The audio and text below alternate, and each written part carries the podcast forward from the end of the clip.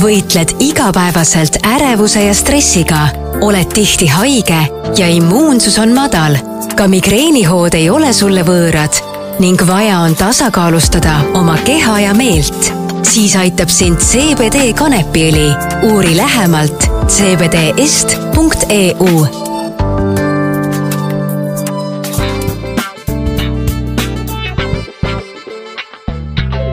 nimi on Kristiina Helmets ja te kuulete ajakirja Eesti Naine podcasti Iga naine on lugu. täna on stuudios naine, keda ma tean juba aastaid, oleme me koos olnud ühel moelaval, aga tänaseks on temast saanud noor naisettevõtja, ta on olnud ka selle aasta naisettevõtja, varsti annab oma teatepulga üle ja võib öelda, et ta on ise teinud endast miljonäri. tere tulemast, tütre ema, endine modell, siiani veel Tallinna moenädala moelavadel Eesti disaini näitamas ja samamoodi ka ise tehtud enda tehtud miljonär Kadri Tuisk. tere! me alustasime siin just esimest nagu vestlust siin ja sa hakkasid rääkima, et vaimne tervis on tegelikult see valdkond, kus oled sina oma ettevõtte üles loonud, et äh, kuidas see nagu mõte nagu tuli? reaalsest vajadusest, et kui sa vaatad, mis tegelikult äh, maailmas toimub hetkel, siis äh,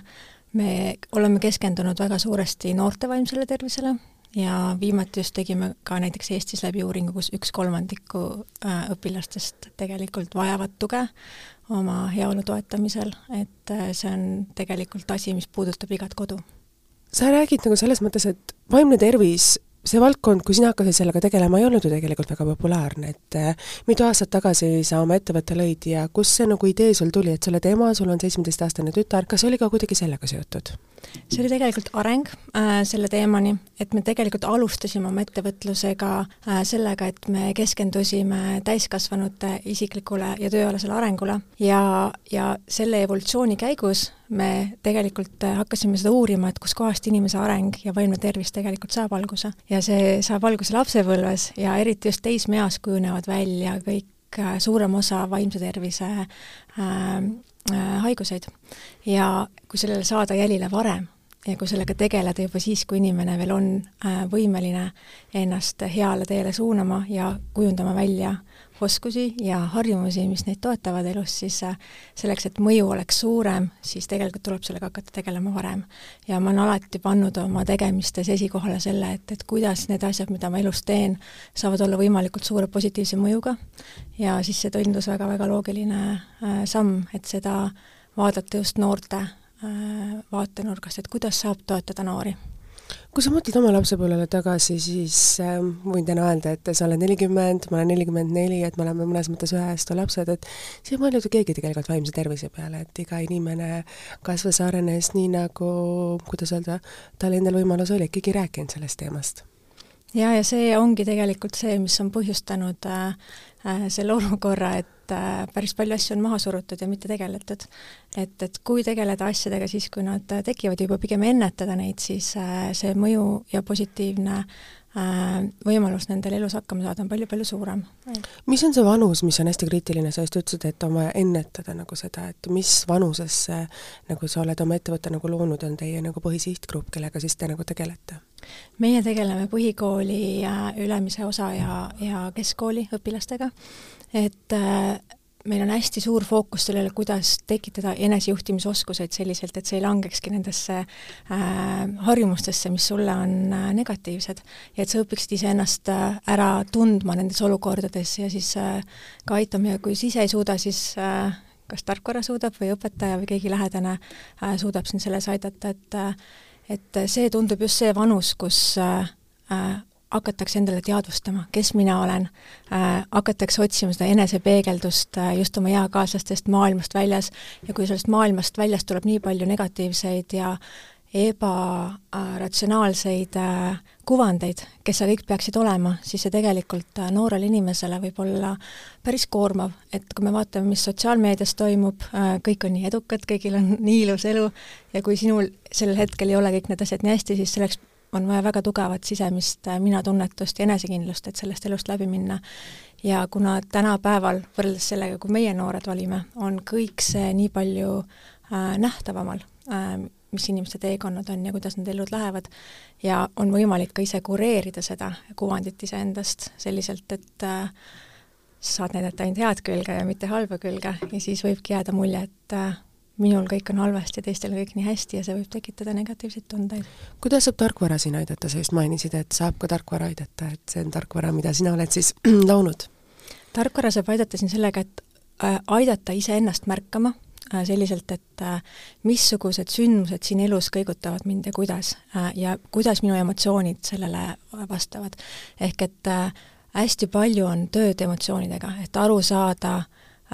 kuidas mingisugune elusündmus mind mõjutab ja siis kuidas seda artikuleerida ja reflekteerida selliselt, et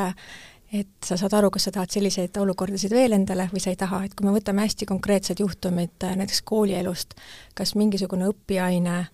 frustreerib sind äh, või pigem innustab edasi, kas mingisugused äh, interaktsioonid sul sõpradega, Äh, koolis, trennis, kuidas nad sind mõjutavad, et kui sa analüüsid need asjad läbi, siis sa suudad kujundada endale elu, mis tegelikult äh, ei pane sind nendesse olukordadesse, kus sa tunned ennast halvasti põhjendamatult. muidugi peavad olema olukorrad, kus sa äh, pingutad ja annad ennast kõike, endast isegi rohkem, kui sa tunned, et sul on, et see on nagu positiivne stress. aga kuidas sa saad ennast võtta ära olukordadest, kus sul on negatiivne stress, mida tegelikult ei pea elus olema. et oma elu saab kujundada ja ja me oleme hästi palju olnud koolisüsteemis, mis lihtsalt äh, kujundab seda sinu päevakava sinu eest. ja õpetajad kujundavad sinu päevakava, vanemad kujundavad sinu päevakava, kõik teised arvavad, kuidas sina peaksid inimesena kõige paremini toimima ja seal sa siis pead kasvama äh, iseendaks äh, ja aru saama, kes mina olen ja mis mina tahan, et see on väga-väga raske, kui kõik sinust tahavad midagi. et me pigem äh, tahame aidata inimestel aru saada, kes nemad on, kuidas nemad toimivad kõige paremini, et kuidas teismelised seda vastu võtavad, et nad on ju selles mõttes veel oma esimesi mässumeelseid samme tegemas ja nad ei oska võib-olla oma emotsioonidega hästi toime tulla, et kuidas siis neid juhtida, neid teismelisi? Jaa, tuleb mõelda selle peale, et äh, kuidas planeerida oma päeva selliselt, et äh, seal oleksid asjad, mis annaksid sulle energiat positiivselt. ehk et kui me vaatame teismelisi, siis hästi suured probleemid on näiteks äh, magamisega. Minnakse magama liiga hilja, sellepärast et äh, kõik need asjad, millest ma ennem rääkisin, kool ja vanemad ja trennid, mida kõik teised sinult tahavad, tehakse ära päeval, aga oma aega ei ole. ja siis ainuke aeg, kus ollakse üleval, on öösiti, sellepärast et see on ainuke aeg, kus sa saad sina ise olla. Ja, ja siis on uneprobleemid ja kui me vaatame, et kuidas disainida päevasid selliselt, et need ei viiks läbipõlemiseni, siis äh, Äh, siis siin saab väga palju enesemärkamisel abi olla, et meil on sisse ehitatud produktiivsusplaneerija, kus õpilased saavad ise panna, kuidas asjad mõjutavad neid päevas, analüüsida seda, äh, meil on äh, heaoluküsitlused, kus me küsime neilt, kuidas neil tegelikult läheb, kuidas nad magasid, kas neil oli kellegagi lõbus, kuidas nende nädal üldse läks, et nad näeksid, kuidas statistiliselt neil läheb, et kui on üks halb päev, siis ei tähenda, et kõik on halvasti, sest et teismelistel vahel võib tunduda, et üks halb asi juhtub ja kogu elu on metsas kui palju teil on inimesi, kes seda tarkvara kasutab? meil on Eesti koolides, me oleme jõudnud üle viiekümne protsendi Eesti koolideni ja tegelikult tegutseme ka rahvusvaheliselt. mitmes riigis? Äh, riike on väga raske öelda, et, et mingi hetk me lugesime kokku, et meid on tulnud uudistama üle kuuekümne üheksa riigi, et äh, aga kõikides riikides ei ole kindlasti nii suur kaetus, kui meil Eestis on. see on ju tegelikult meeletu kogus, et varsti võib öelda, et väga suur osa maailmast no seda on veel liiga vara öelda kindlasti, me oleme kindlasti alustav ettevõtja, et läheb aega veel. sa oled Võru tüdruk. sa kasvasid üles kindlasti teistmoodi keskkonnas kui see valdkond, kus on täna sinu tütar ja kus sa ise elad äh,? Viljandist. ja, ja kui me vaatame seda keskkonda, kus mina kasvasin ja kus minu tütar praegu kasvab, siis äh, võib öelda, et maailm on väga palju muutunud, aga samas ei ole ka. ehk et kui me vaatame seda, et äh, jah, meil on äh, Äh, kohene läbi, läbi, äh, ligipääs informatsioonile, meil on äh, teistsugused kommunikatsioonistiilid, aga samas päris palju põhiväärtused on ikkagi samaks jäänud. ehk et väärtustatakse peresuhteid, head, heaks inimeseks olemist, seda, et sa saaksid iseseisvalt hakkama, et, et need põhiväärtused tegelikult on jäänud samaks, kuidas mind kasvatati kuidas ma oma tütart ka kasvatan. et aga vahendid nendeni jõudmiseks on totaalselt teised, et kui me vaatame, et et kuidas tegelikult tänapäeval see info jõuab noorteni nii palju suuremas mahus, kui see jõudis meieni ja kuidas me siis, meie tegime otsuseid ja kuidas nemad teevad otsuseid, et äh, see on hoopis teistsugune ja ma olen nii uhke selle üle, kuidas äh, tänapäeva generatsioon on tegelikult kordades targem ja kordades paremini informeeritud elust ja otsustest, kui meie olime. et äh, see väga inspireerib. kuidas sa Tallinnasse sattusid või kuidas su hariduslik tee edasi läks, sest ma lugesin selles mõttes, et sa oled ju Lõuna-Eestist pärit, et kus oli su esimene kool? Äh, mina käisin äh, Kalmetu äh, põhikoolis, mis on Viljandimaal, üks väike kool, küla, jah, vallakool, ja, ja sealt läksin edasi Viljandisse, mis minu jaoks sellel hetkel oli väga suur Metropol City suur linn ja ma läksin sinna üheksandasse klassi ja käisin seal kuni keskkooli lõpuni, aga aga ma kohe pärast keskkooli lõppu ei tulnud Tallinnasse, ehk et äh, siis ma läksin tööle ja hakkasin modellindusega tegelema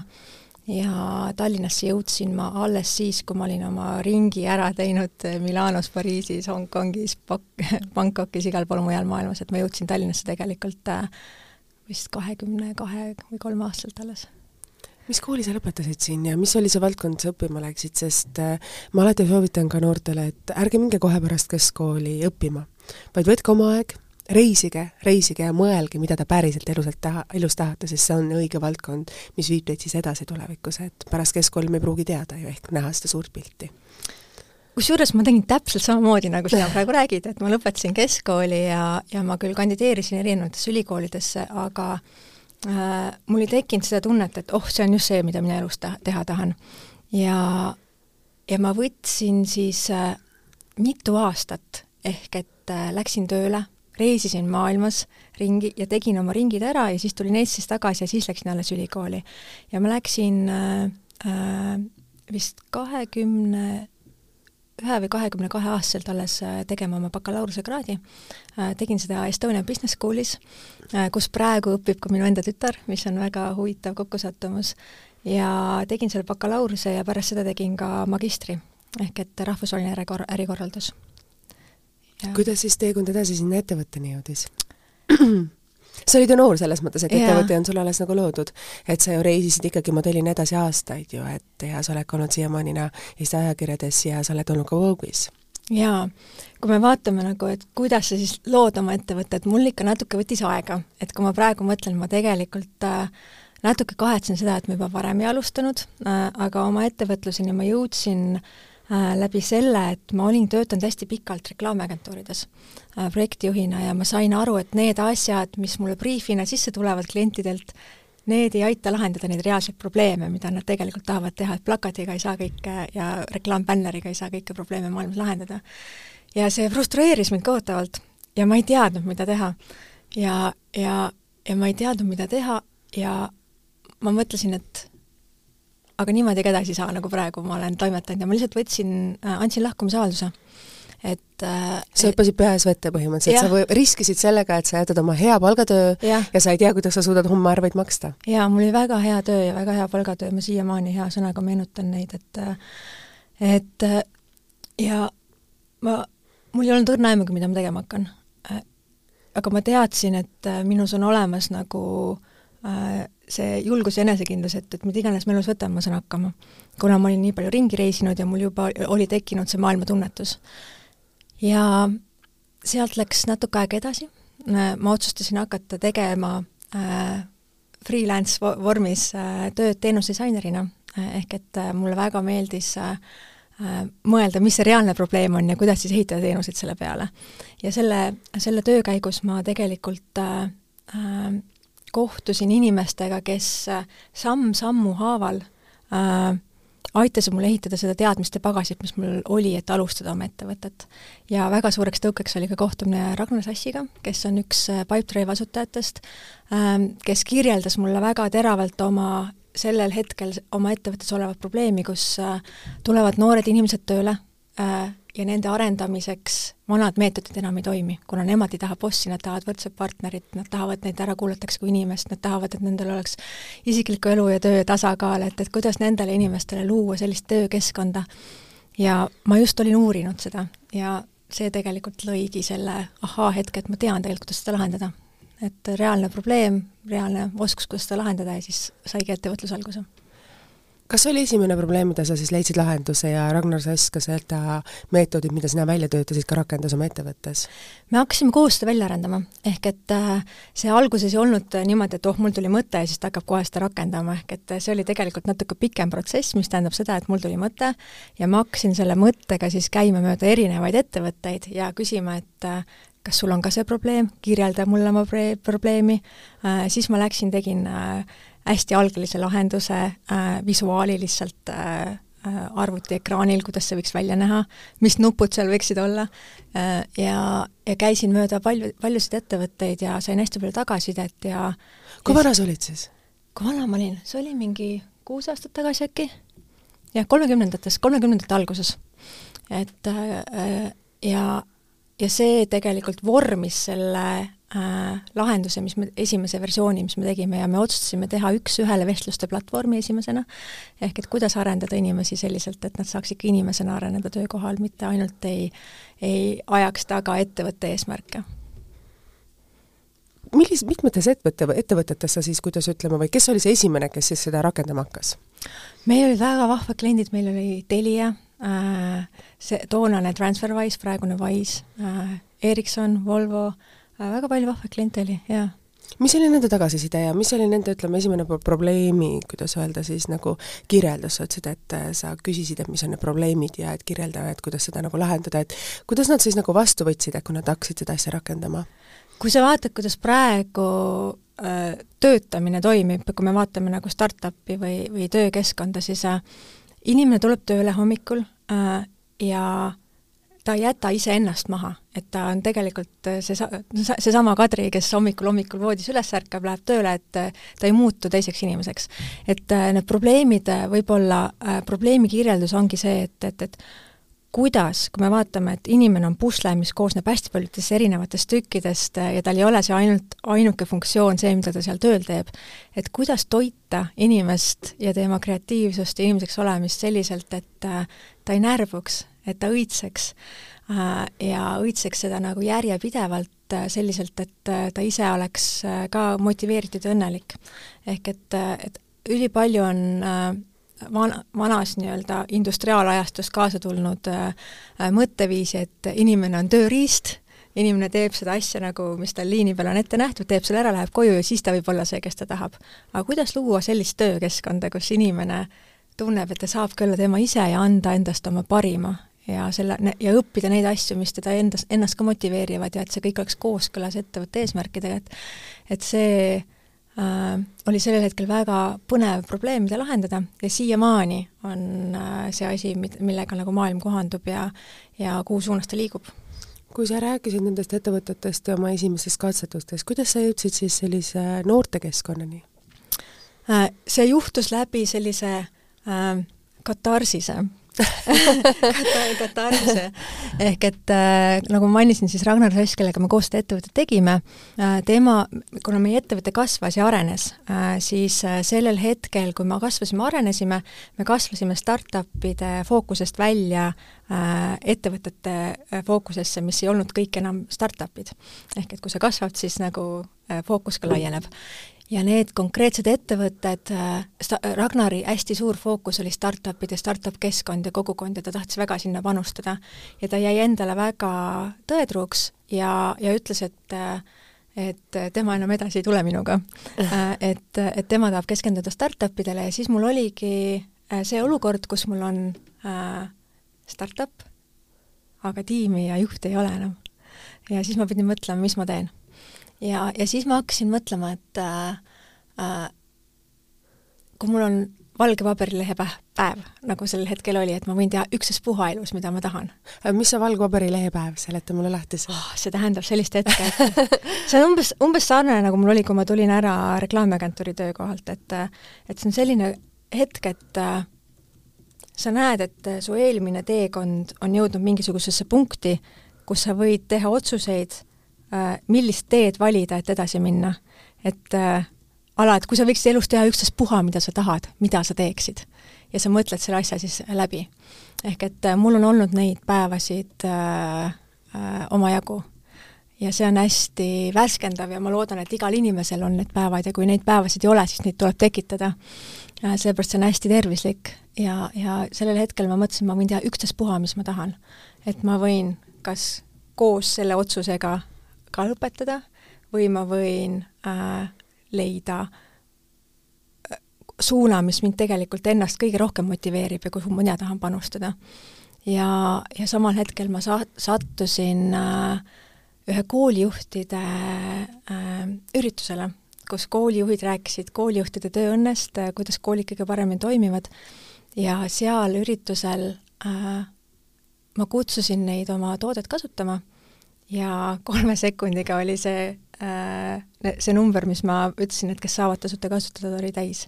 mis tähendab seda, ja siis ma hakkasin jälgima nende kasutust äh, tootestatistikast, et äh, kes kõige rohkem kasutab ja nende kasutussagedus oli palju kõrgem kui väga seksikatel ja kiiresti liikuvatel startupidel, kuna koolis sellel hetkel ei olnud väga palju inimesi, kes tegeleksid inimeste ja nende tööõnnega et, et kuidas õpetajad oleksid tööl õnnelikud ja kuidas õpetajad seda oma täisväärtuslikku äh, äh, tunnet saavad ka õpilastele edasi anda. ehk et äh, sealt ma sattusin koolide juurde ja ma sain aru, et sellel on tegelikult palju suurem positiivne mõju maailmale sellel hetkel ja tegin siis oma otsuse üles ehitada äh, koolidele suunatud väärtuspakkumine kuidas väärtuspakkumine on nagu üles ehitatud, et kas seal on mingid etapid, on seal kindlad moodulid või mingi programm, et kuidas see siis nagu toimib, et noh, mina kuulan praegu nagu hiina keelt au selle, au sellest tunnistas. jaa, väärtuspakkumine tähendab äh, seda, et äh, missugust kasu äh, mina suudan luua teiste inimeste eludes. et äh,, et see on see äh,, mille peale on siis nagu Äh, startupi loogika meil üles ehitatud, et, et mis see on, mis ma saan teha, mis nende elu paremaks teeb. ja sellel hetkel, äh, kui äh, me seda välja töötasime, siis selleks, et väärt-, väärtuspakkumist luua, selleks sa pead ära kaardistama, mis on need asjad, mis tekitavad muret inimeste eludes ja mis on need asjad, mida nad teevad juba täna, et neid muresid lahendada. ja siis sa vaatad, kas need asjad, mis nad täna teevad, kas need on tõhusad, kas seda saaks paremini teha, kõige parem oleks, kui sa suudad seda teha kümme korda paremini, kui neil praegused asjad, praegused lahendused on. ja kui seal üldse ei ole lahendust, siis sa Äh, see on mõnes mõttes hea ja mõnes mõttes halb ka, et, et äh, et hea selles mõttes, et, äh, et sul on siis täiesti vaba maa teha kõike, mis sa tahad, aga halb selles mõttes, et siis on see muutuste juhtimine hästi raske. ehk et kui inimene pole mitte kunagi pidanud mõtlema selle peale, mida mina tahan töökohal ja kes mina olen ja kuidas mina kõige paremini toimin, siis seda on ka hästi raske nagu hakata rakendama koolides või üldse töökohal, et inimesed ei ole harjunud ju selles mõttes, et paneme kooli kogukonna inimesed, nad ei tule sellegi peale, et töö peab neile pakkuma midagi rohkemat kui sissetulekut. just, ja see on minu meelest äh, väga ebatervislik äh, mõtlemine, sest et kui sa mõtled, et sa kaheksaks tunniks päevas lihtsalt surud ennast olukorda, kus äh, sul ei ole hea olla ja kus sa ei kasva ja see ei anna sulle midagi, siis see on ebatervislik et, äh, et ma julgustan kõiki inimesi läbi mõtlema seda, et äh, kas need asjad, mida nad igapäevaselt teevad, annavad neile, et see hea rusikareegel on see, et äh, kui sul kaheksakümmend protsenti ajast on hästi ja kakskümmend protsenti ajast nagu sa ei tunne, et et kõik on super hästi, et siis on veel okei okay,, aga kui sul nagu see tasakaal läheb kolmeks-neljaks kuuks juba paigast ära, siis sa liigud läbipõlemise poole. et ja läbipõlemine on tegelikult kogu maailmas väga suur teema läbipõlemine, läbipõlemisest siis liigutakse edasi ärevushäiretesse, depressiooni ja nii edasi, et, et see on selline esimene samm seal sellel äh, teekonnal kahjuks. Mis on need sinu tagasiside või nende inimeste, ähm, kuidas öelda, arvamus iseendast, et on ka olnud palju inimesi, kes panevad samamoodi lahkumise avaldusele või ütlevad, et sorry, ma tahan oma elus midagi muud teha. Kusjuures neid lugusid minuni ei ole veel jõudnud, aga ma tegelikult loodan väga, et, et isegi kui inimesed äh, analüüsivad kuidas nende igapäevane töö neile rahuldust pakub ja nad saavad aru, et äh, see ei ole see, mis neid toidab, siis nad annavad selle lahkumisavalduse ja ja see ei ole ainult hea nagu töö, töötajale, see on ka hea tööandjale. tegelikult tööandja äh, ei peaks tahtma endale äh, töökeskkonda, kus on inimesed, kes äh, ei tunne, et nad on õiges kohas. Kuidas saab tööandja oma, kuidas öelda, töökeskkonda nagu muuta väga väikeste teguritega, mida sa oled ise nagu sellest tagasisidet analüüsides äh, teinud ja vaadanud? ma väga soovitaks sisse viia selline nii-öelda üksteise toetamise, märkamise kultuuri, ehk et äh, eriti just praeguses tänapäevases olukorras, kus meil on hübriidtöötamine, kus on äh, päris paljud töötavad kodust, väga vähe käiakse kontoris ja isegi kui sa oled kontoris, et et, et kuidas teha sellised protsessid äh, oma ettevõttesse, et inimesed on nähtud, kuulatud ja märgatud, ehk et selleks on erinevaid viise, kuidas seda teha, kas teha siis regulaarselt arenguvestlusi, kas äh, viia sisse sellised äh, nii-öelda üksteise märkamise, toetamise, kaardistamised, üritused, et et mida me oma rakendusega äh, hästi äh, toetame, on see, et ära äh, ära kaardistada üksteise ühised nagu huvid, ära kaardistada üksteise tulevikuunistused, et tekiks töökoha juures see nii-öelda kuuluvustunne, et siin on minu inimesed, kellel on samad unistused ja need asjad, mida me tahame teha ja, ja kuidas äh, toetada inimesi teiste tunnustamisel ja märkamisel. ehk et sa ei teeks, ajaks ainult iseenda rida, et, et need inimesed, kellega sa koos asju teed, et need tegelikult äh, oleksid ka hoitud ja väärtustatud, et, äh, et see ongi ühe toimiva meeskonna mõte, et, et kõik ei ole individuaalsed äh, oma nurgas pusijad, et on tegelikult selline üks pluss üks ei võrdu kaks, et üks pluss üks võrdub kolm või rohkemgi veel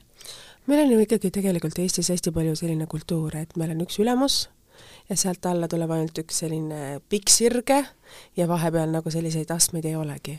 et et äh, kuidas nagu seda kultuuri on muutnud, et siin ilmselgelt sinu see moodul, mida sa oled loonud, see muudab seda, et sul ei ole enam ühte suurt ülemist, kes nagu näitab kõigile ette, vaid et sul ongi meeskond, see koosneb erinevatest detailidest, räägitakse läbi ja leitakse koos lahendusi, et see ju tegelikult annab kõige inimesele suurema motivatsiooni, et on tunne, tunnetus, et on osa sellest protsessist, et ta ei ole lihtsalt, kuidas öelda siis, seesama äh, kuidas ma siis ütlen, tehases tükki kokku panev masin jah, kui me vaatame nagu juhtimiskultuuri muutumist äh, läbi aastate, siis äh, on ka selliseid äh, eksperimentaalseid ja ekstreememaid juhtureid nagu holokraatia, kus on tegelikult inimesed on väga võrdses seisus ja ei olegi nii-öelda juhti-juhti, et inimesed ise nagu otsustavad ja toimetavad. aga kui me vaatame sellist traditsioonilist toimimismudelit, kus on nagu juht, on meeskonnajuhid ja siis töötajad, selles ei ole ka mitte midagi halba, sellepärast et kui see juhtimine on tehtud armastavalt, hoolivalt ja, ja edasiviivalt ja inspireerivalt, et ja iga inimene teab oma isiklikku vastutust, aga väga suur äh, võtmesõna praegu, mis toimub töökohtadel, on inimeste isiklik autonoomia. Ja see on ka põhjus, miks me õpilaste, õpilaste suunal hästi palju rõhutame seda äh, ennastjuhtivust ja, ja, ja inimese autonoomiat, et sa suudad ise endale eesmärke seada, sa suudad ise neid äh, täide viia ja ka analüüsida. ehk et veel, et sul tekib iseenda sees see tsükkel, et et äh, kuidas mina maailmas asju korda saadan. kui tihti sa ise analüüsid oma tegevust? iga hommiku. igal hommikul igal hommikul, igal hommikul mul kuidas see välja näeb? see näeb välja selliselt, et mul on hästi kindel hommikurutiin. ja see on? Kas ma võin seda kohe küsida selles mõttes, et mina olen selline äh, aeg-ajalt nagu selline lillekerahus, et -huh. ma ei jaga nagu kõiki neid detaile asjadest ära, et ma ei suuda nagu iseennast nagu panna keskenduma tihtipeale, eriti kui on sellised raskemad perioodid, et ma hea meelega kuulaks neid näpunäiteid. no just raskematel perioodidel on mulle see isiklik rutiin väga palju abiks tulnud, et, et kui sul ongi elus rasked perioodid, kus sa lihtsalt nagu Äh, pead hoidma fookust või seda positiivsust või seda optimismi tuleviku osas, siis, äh, siis sa pead kuskilt selle jõu ammutama. et minu jaoks toimib ülihästi see, et ma ärkan iga hommiku täpselt ühel ajal. Äh, ja see on? see on kell kuus. Ja, ja siis ma teen tund aega trenni esimese asjana ja pärast seda ma teen väga mõnusa hommikusöögi, mulle väga meeldib võtta aega endale ja oma perele ja ja siis, kui lapsed on kooli saadetud äh,, siis äh, on nii-öelda minu aeg, kus mul ei ole mitte ühtegi koosolekut pandud äh,, kus mul on refleksiooniaeg. ma reflekteerin läbi need asjad, mis eelneval päeval on juhtunud ja mis ma uuel päeval tahan ära teha ja saavutada. ja, ja need vahest lähevad selliseks emotsionaalseks, aga ma lõpuks ikkagist tõmban nagu ratsionaalselt need kokku, et ehk et see reflekteerimis äh, harjumus on mind elus väga palju aidanud, sest et kui me vaatame, et juhiks olemine tegelikult on väga üksik elukutse, et, et sul tegelikult ei ole väga palju inimesi, kellega nagu neid kõige sügavamaid teemasid puudutada, siis äh, see on mind väga palju elus edasi aidanud väga rasketest kohtadest ja soovitan seda kõigile ja see nii-öelda igapäevane reflekteerimine, ma olen seal läinud ikka nagu ütleme niimoodi, et äh, kaua sa oled harrastanud seda? Ma olen seda äh, kergemal kujul harrastanud juba alates äh, teismeeast, aga tõsisemaks on see läinud siis, kui ma asusin ähm, tööle. ehk et äh, siis see nii-öelda isikliku elu ja tööelu ühildamine äh,, emaks, ettevõtjaks, naiseks olemise ühildamine, kõik need asjad, kui sa, kui sa pead balansseerima nende asjadega ja aru saama, mis sulle mingil hetkel on väga oluline, äh, siis see on hästi palju aidanud. Ja lisaks sellele ma teen ka aastarefleksioone, äh, kus ma analüüsin siis läbi kõikide eluvaldkondade viisi oma nagu aasta, kuidas mul on läinud, äh, minu, ma ei tea, füüsiline tervis, vaimne tervis, isiklik suhe, pere, finantsid, töö, eneseareng, kõik need kategooriad sa analüüsid läbi, kuidas sul nendes on läinud ja siis, kui on nagu midagi ei ole nii hästi, kui ta võiks olla, siis sa mõtled, aga mida ma saaks teha, et ta oleks. ja siis sul sealt tekivad äh, mõtted äh,, sul tekivad uued eesmärgid ja siis sa nagu eesmärgistad oma uut aastat. Ja see on üliäge tegevus, mulle väga-väga meeldib see ja ma soovitan teistele ka seda teha, sellepärast et see aitab sul luua sellist äh, ellusuhtumist, ehk et äh, kui midagi ei sobi, siis nagu sina ise saad seda muuta. ja kui sa võtad endale hetki, et seda asju analüüsida, mis sulle sobib ja mis sulle ei sobi, siis äh, äh, see aitab äh, luua sellist mõtteviisi, et äh, et äh, sa ärkad hommikul üles ja kõik on võimalik. ja, ja kui on mingid asjad, mida ma ei suuda ise lahendada, näiteks mul tekivad seal mingisugused, a la näen, et mingis kategoorias on asjad väga halvasti ja ma ei suuda ise lahendada, siis ma mõtlen, aga kes saaks mind aidata selles, et sealt pusest välja tulla. et kui ma ise ei suuda neid lahendada, siis ma hakkan kaasama endale inimesi, kes mul aitaks neid asju koos minuga lahendada ja alati on lahendused, et et mul on küll praegu see kogemus näidanud, et ka kõige raskematest olukordadest on väljapääsud, et kas või mikrosammud, aga sa saad liikuda alati paremuse poole. sa räägid, et sul on elus olnud äh, väga raskeid hetki mm. -hmm sa rääkisid ka seda, et äh, just see distsipliin, mida sa oled endale igapäeval nagu rutiinis võtnud, on aidanud sind edasi. mis on need detailid selles distsipliinis, mis peavad alati sinu jaoks olemas olema, sa mainisid ka naiseks olemist, et mm -hmm. mis on sinu jaoks naiseks olemine? Äh, kui me räägime isiklikust rutiinist ja distsipliinist, siis see füüsilise ja vaimse tasakaalu osa mu päevas on väga-väga oluline, ka naiseks olemise juures. et minu jaoks tegelikult kõik kõik naiseks olemisest algab seestpoolt.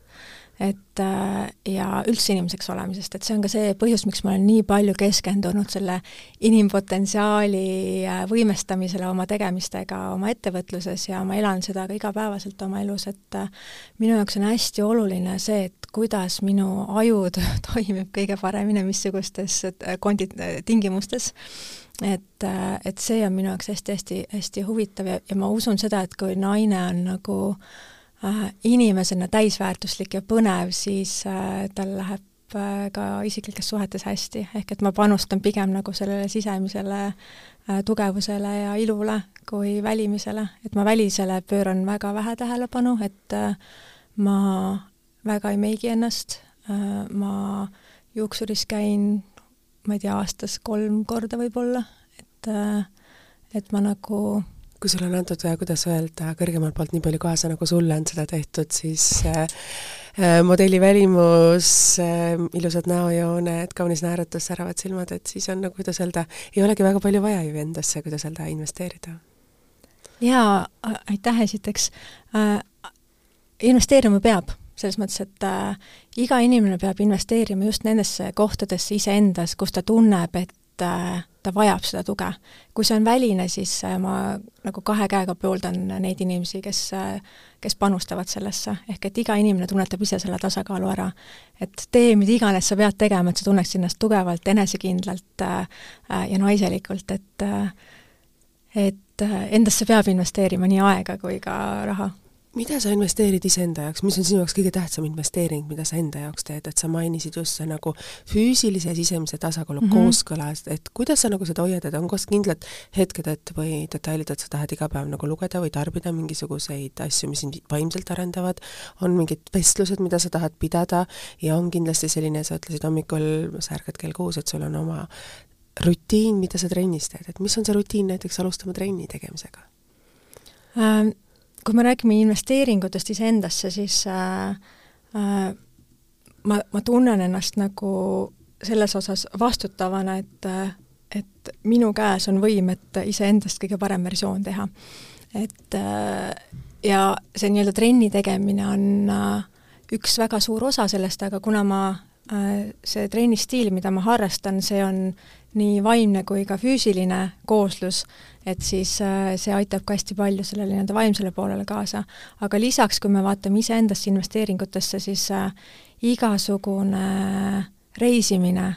kontekstist väljapanemine, igasugune, kõik vitamiinid, mida sa tarbid, tervisetestid, mida sa teed, näiteks ma olen väga suur fänn biohacking ul, mis tähendab seda, et aru saada, kuidas sinu füüsis kõige paremini toimib.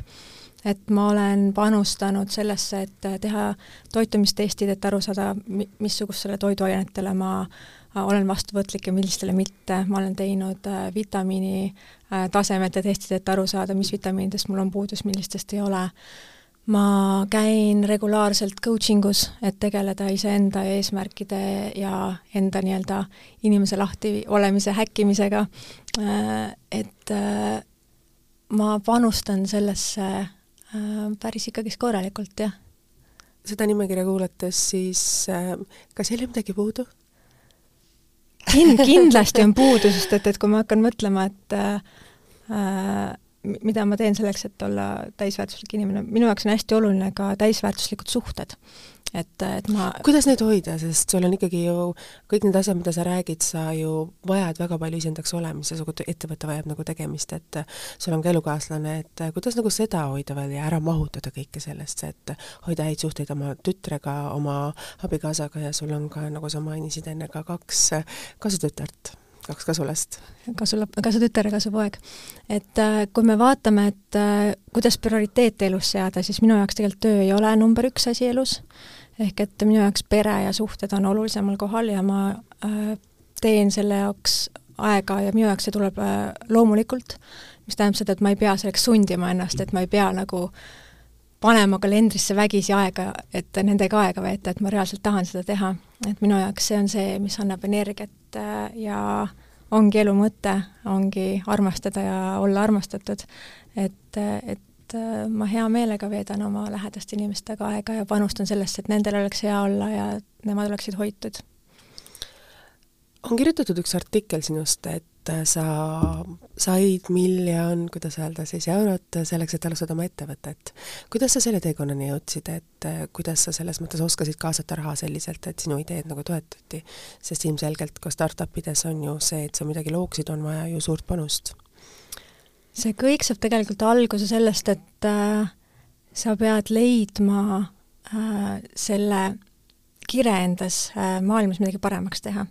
et, et ma, hästi paljud inimesed mõtlevad selle peale, et oh, ma ei ole ettevõtlusega alustanud, sellepärast mul ei ole seda maailma kõige ägedamat ideed. ma veel ei tea täpselt, mis ma teha tahan. ehk et äh, minu meelest jah, see on oluline, et sa leiad nagu selle idee, aga see tänaseks, olles juba nagu aastaid ettevõtluses tegutsenud, ma näen, et see idee nagu morfeerub nagu pidevalt, nagu ma rääkisin selle nii-öelda ühe morf- äh,, äh morfoosi loo, mis ma, mis vahepeal mm -hmm. siin juhtus, et, et see pidevalt nagu äh, on arengus ja muutub. et pigem on vaja leida endasse nii-öelda sisemine tahe seda teha. ja kui sa selle tahte seest üles leiad ja igapäevaselt väikeste sammudega selle poole liigud, ma, ma hästi hindan väikseid samme suure eesmärgi nimel, et kui sa iga päev mõtled, mis see üks väike samm on, mis ma saan selle nimel teha, siis see tegelikult viib sind lõppeesmärgini. ja, ja kuidas mina kaasasin oma rahastuse äh,, mul oli väga suur sisemine tahe, mul oli äh, kuidas sa jõudsid kontaktideni selles mõttes, et, et sul pole idee, sul tuleb tahted, et sa pead ju jõudmagi kuidagi ütle sammukest edasi, et sa jõuaksid nende inimesteni, kes on nõus sellesse investeerima? Äh, in-, äh, startupi maailmas on äh, selline ütlemine, et, et selleks, et saada investeeringut, sa pead sa rääkima saja investoriga. et ma kindlasti olen seda teinud. et sa pead ja, ja sinu inimesed on olemas seal maailmas, kes usuvad täpselt sedasama tulevikuversiooni, mida sina oled, mida sina usud. Need inimesed tuleb lihtsalt üles leida, et ja, ja, ja kui sa vaatad, et et kuidas mina seda tegin, siis ma kindlasti rääkisin paljude investoritega, aga samas ma ei jäänud ka kinni nendesse ei-desse, ma sain väga palju ei-sid.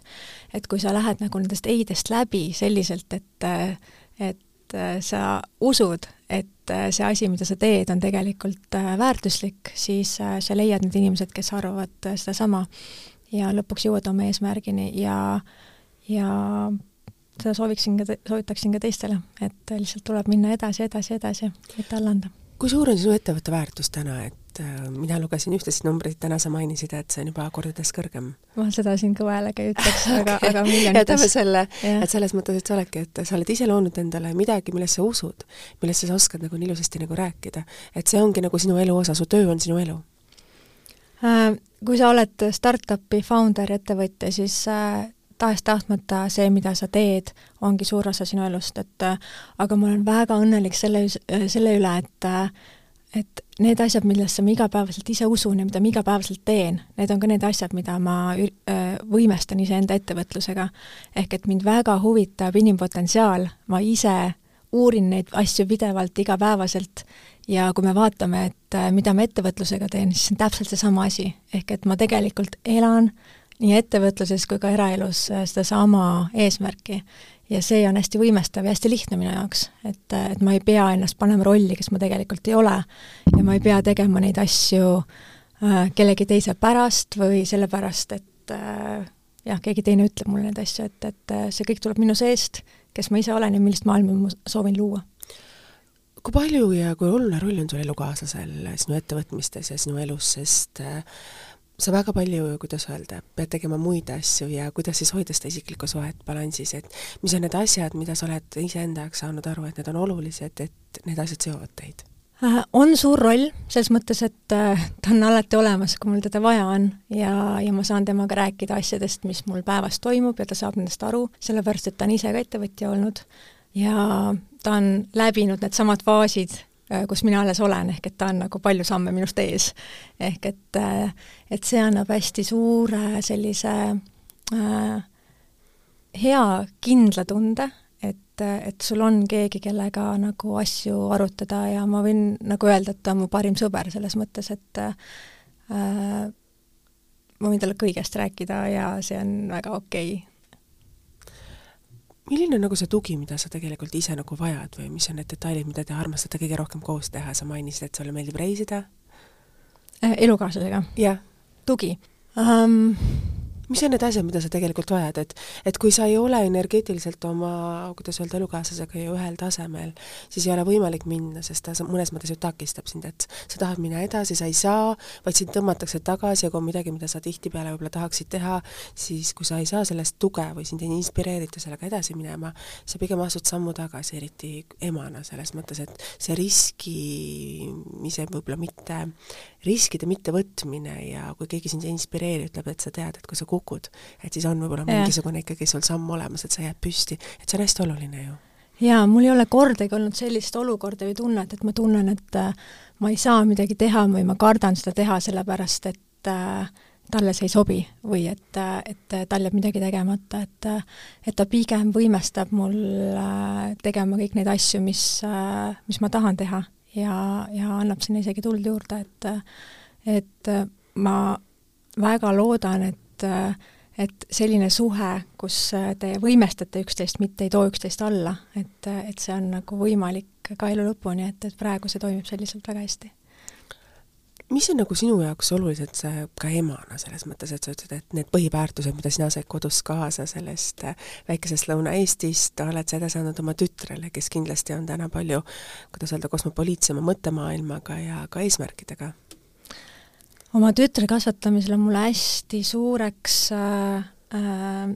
põhimõtteks see, et temast saaks iseseisev äh, naisterahvas, kes väärtustab iseennast naisena, et ta julgeb olla naine äh,, et ta ei tunne, et ta peab äh, siia maskuliinsesse maailma äh, sobituma kui selline nii-öelda power woman, vaid ta pigem oskaks äh, äh, hinnata enda seda naiselikkust pool, naiselikku poolt, aga samas ka saata korda ägedaid asju, mis talle elus korda lähevad, et et ma arvan, et päris palju on maailmas äh, eelnevalt olnud äh, seda mõttemalli, et äh, selleks, et suuri asju saavutada ja mängida meestega koos ühes samas liivakastis, et sa pead nende sarnane olema, et ma pigem äh, julgustan teda iseenda tugevust üles leidma ja selle peale iseennast üles ehitama ja ta on hästi suur äh, psühholoogia ja filosoofia fänn äh, enesearengu fänn, et äh, seda on hästi vahva kõrvalt näha, et mina selles vanuses ei tegelenud nende teemadega nii aktiivselt, kui tema tegeleb. ja ta on ise loomas ka oma esimest äh, ettevõtmist sellel alal hetkel, mis on ka hästi vahva kõrvalt jälgida. Et ja, ja kui me vaatame seda, et kuidas noored tänapäeval üldse oma samme seavad, siis see nii-öelda surve olla kõik ja teha kõiki asju on hästi-hästi suur. Et, et mis ma annan talle kaasa, on pigem see vabadus, et kõiki asju ei pea korraga saavutama, üldse elus nii-öelda saavutamine ei ole elu eesmärk, et elu eesmärk on isiklik tasakaal ja, ja kui me vaatame, et kuidas tema praegu toimetab, siis seal on raskemaid ja kergemaid hetki, aga, aga ma näen, et ta liigub õiges suunas kui sa vaatad oma tütart kõrvalt, et äh, sa rääkisid nii ilusasti ja kenasti nagu praegu nende detailidega, kui sa mõtled oma ema sõnade peale, mis on võib-olla see üks lause, mis on sind alati edasi aidanud, kui sul on rasked hetked? Kui mul on rasked hetked, äh, võib-olla mitte rasketes hetkedest, aga mu ema, äh, kui ma läksin hästi noorena, vist viieteist-kuueteistaastane Pariisi modelliks, täitsa üksinda, et seal ei olnud nagu Google Maps'i ega mitte midagi, et sa pidid ise hakkama saama seal suures linnas, siis ta ütles mulle sellise lause, et sa võid alati öelda ei ükstaspuha mis asjale. et äh, ta võib-olla mõtles seda ühemõttelisemalt, aga, aga, aga mina olen selle transleerunud ümber hästi laiamõtteliseks, see, see kes-, kehtib kõikidele asjadele sinu elus. sa ei pea elus mitte midagi tegema, mida sa ei taha teha. et äh, sa võid ise valida neid asju, mida sa teed. ja, ja see on hästi palju võimestanud, et äh, jah, osadel asjadel on hind, aga sa pead selle läbi kalkuleerima ja arvestama, et et see on hästi võimestav, et sa ei pea panema ennast olukordadesse, kus sa ei taha olla. See on meeletu ju naiselik tugevus, öelda ei. jah, absoluutselt, absoluutselt. kas see on ka see asi, mis on sind pannud, kuidas öelda, selles maskuliinses maailmas hakkama saama, et sa jääd naiseks, aga sa tead, et sul on see õigus ja see väärtus öelda ei? jaa, kindlasti, et et naisi on alati nagu naise kuvand on hästi pehme, paindlik, äh, selline ähm, et ta, ta kohandub erinevate olukordadega, ma olen ka ülihea kohanduja, et, et äh, ma kohandun olukordadega väga hästi.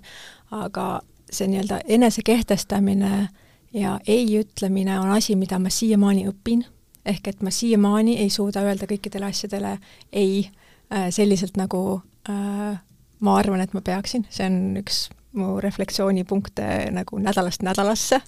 et, et, et mis asjadele ma veel võiksin ei öelda äh,. Aga, aga samas ma ütlen ka väga paljudele asjadele jah, et, et ma olen andnud ka endale nagu sellise äh, signaali, et, et päris paljudele asjadele tuleb ka jah öelda, aga, aga tuleb osata leida need kohad nagu, mis ei kanna sind edasi ja nendele tuleb ei öelda. aga ma arvan, et see nii-öelda oskus ei öelda ei ole küll tegelikult üks põhialuseid naiseks olemiseks, kui ma hakkan praegu analüüsima. Midagi natukene teistmoodi, panin sind mõtlema. Yeah.. Tegelikult on ju see, me oleme paljude teinekord olukordades ja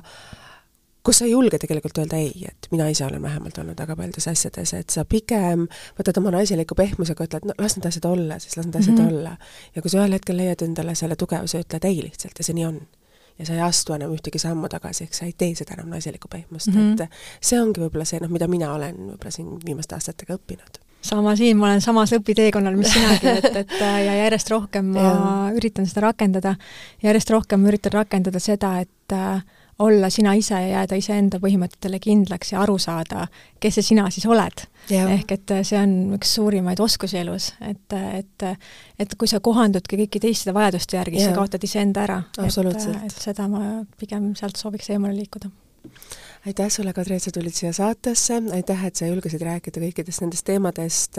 mis on väga laiapõhjalised ja sellised väga mõtlemapanevad. ja kui on üks asi, mida sina saaksid öelda naistele, kes mõtlevad, et ma tahaksin alustada oma ettevõtlusega, ma ei julge või ma ei tea, kas ma saan hakkama, et mis on see üks lause, mida sa tahaksid öelda kõigile kuulajatele, et mis on sind kuidas öelda, aidanud või mingisugune see tähtsus või kui sa nüüd mõtled kogu sellele tunnile tagasi, kus me oleme rääkinud ja kindlasti, et julge pealehakkamine on pool võitu, et hakka lihtsalt kuskilt pihta. et äh, isegi, kui sul ei ole seda maailma muutvat ja ägedat ideed hetkel, et pane kirja nagu, mis need nagu väiksed ideed on, mis võiksid olla, ja hakka sealt pealt ehitama. Aitäh sulle veel kord, Kadri! aitäh teile, kallid kuulajad, et olite selle tunnikese koos meiega, me saime rääkida väga palju ja teistmoodi teemadel, kui me tihti oleme viimastel saadetes nagu rääkinud. ja tahan teile anda ka seda teada, et podcastidel, ajakirja Eesti Naise podcastidel tuleb selline eriüritus kuuendal detsembril, kus siis me teeme avalikud lindistused, tuleb siis Heidit Kaio oma saatega ja mina siis oma saatega, nii et kuues detsember me hoiame teid kursis, kus, mis kell ja kus te saate tulla siis kuulama täpselt, kuidas käib üks podcast podcasti salvestus. aitäh teile, kallid kuulajad ja saade on ikka saadaval ja kuulataval taskutelvi keskkonnas Spotify's ja Apple'i, kuidas öelda siis, äpi keskkonnas, mina ei tea, ma sain sellest alles eile teada, et ka seal on see podcast väga saadaval ja mul on väga suur kuulajaskond, nii et aitäh teile, kallid kuulajad, ja kohtume teiega uuesti nädala pärast, kõike head ja kaunist novembrikuu esimest nädalat! Võitled igapäevaselt ärevuse ja stressiga, oled tihti haige ja immuunsus on madal. ka migreenihood ei ole sulle võõrad ning vaja on tasakaalustada oma keha ja meelt. siis aitab sind CBD kanepiõli. uuri lähemalt cbdest.eu